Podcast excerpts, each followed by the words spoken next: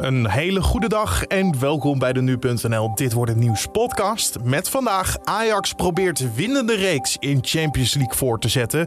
Demonstratie tegen politiegeweld in Rotterdam. En koning Willem-Alexander opent Nederlandse stand op Wereld Expo. Dat zo eerst kort het nieuws van nu. Mijn naam is Carne van der Brink en het is vandaag woensdag 3 november onbegrip en boosheid bij sportclubs en bonden. Vanaf zaterdag is het namelijk verplicht voor amateursporters en toeschouwers om de coronapas te laten zien. Dat zei demissionair premier Mark Rutte gisteravond tijdens de persconferentie. Het coronatoegangsbewijs wordt verder verplicht in de georganiseerde amateursport vanaf 18 jaar. Voor het publiek en sporters binnen en buiten. De KVB is het daar niet mee eens en roept de Tweede Kamer op om de maatregel terug te draaien. Het is niet te handhaven, zeggen ze. En dat vinden ook veel sportclubs, zoals hockeyvereniging Kampong uit Utrecht. Het is 16 sportvelden groot. Er sporten hier eh, in een weekend zo'n 6000 mensen. Dat is nog exclusief de ouders en de toeschouwers, die allemaal terrein op en af moeten, die allemaal gecontroleerd moeten worden. We hebben zeven ingangen. Ja, dat is gewoon niet te doen. Dat zei een bestuurder tegen de NOS. De maatregel geldt voor iedereen vanaf 18 jaar en ouder. Het OMT is geen voorstander van een coronatoegangsbewijs voor de zorg. Zorgminister De Jonge kondigde gisteren aan dat ze hiermee bezig zijn om zo zorginstellingen de behoefte te geven om personeel en bezoekers te checken op de coronapas. Mochten er extra coronamaatregelen nodig zijn. Het OMT schrijft in een advies dat ze niet zeker weten hoeveel een coronapas in de zorg zou uitmaken. Liever zien zij dat er voldoende afstand gehouden wordt en dat mensen mondkapjes dragen. Basisscholen hadden al moeite met het vinden van invaldocenten, maar door het geld om corona-achterstanden in te lopen, is dat dit jaar nog lastiger. Dat eh, zeggen schooldirecteuren en schoolleiders tegen nu.nl. Veel leraren die normaal bij verschillende scholen als invaller werkten, zitten nu met het extra geld vast op één school. Basisschoolleerlingen dreigen daarom komende winter vaker niet naar school te kunnen.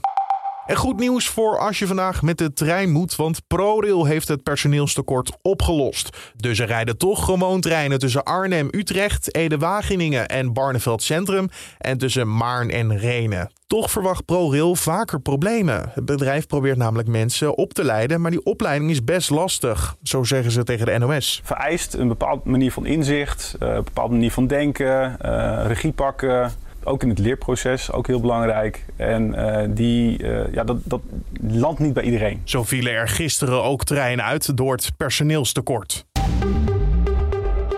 Dan over naar de dag van vandaag. Oftewel, dit wordt het nieuws. Ajax probeert vanavond in Duitsland de winnende reeks in de Champions League voor te zetten. De Amsterdammers spelen tegen Borussia Dortmund. Twee weken geleden wist Ajax nog met 4-0 te winnen in Amsterdam. Daardoor staat de club nu op 9 punten uit drie wedstrijden. Toch was het afgelopen weekend iets minder voor de koploper in Nederland. Toen werd het tegen Heracles Almelo 0-0. De vraag is dus of Ajax zich vanavond weer weet te herpakken. De wedstrijd start om 9 uur. En op het Stadhuisplein in Rotterdam wordt vanavond gedemonstreerd tegen het politieoptreden tijdens het woonprotest dat eerder deze maand plaatsvond. Volgens de organisatoren van het woonprotest zou de politie zonder aanleiding buitensporig geweld hebben gebruikt tegen de demonstranten. Ze gaat er onder andere een video rond op het internet. De politie meent daarentegen dat een aantal demonstranten de aanwezige agenten juist provoceerden. En koning Willem-Alexander en koningin Maxima zijn bij de World Expo in Dubai. De koning zal daar de Nederlandse stand openen. Minister De Bruin voor Buitenlandse Handel en Ontwikkelingssamenwerking is ook meegereisd. En de minister leidt gelijktijdig een handelsmissie naar de Verenigde Arabische Emiraten. De Wereld Expo in Dubai is de 35ste wereldtentoonstelling en duurt tot en met 31 maart. En het is de eerste expo in het Midden-Oosten. Tot zover de agenda. Dan het weer van vandaag. Wat het gaat worden, je het van Laura Ozinga van Weerplaats. Vooral in de ochtend is het op grote schaal mistig of nevelig of komt er laaghangende bewolking voor en dit houdt best nog een tijdje aan. Pas in de loop van de ochtend lost dit geleidelijk op en later op de dag kan vanuit het westen de zon nog even doorbreken. Wind staat er nauwelijks en onder de bewolking warmt het op naar een graad of 8. Als later de zon nog even doorbreekt kan het plaatselijk 10 graden worden.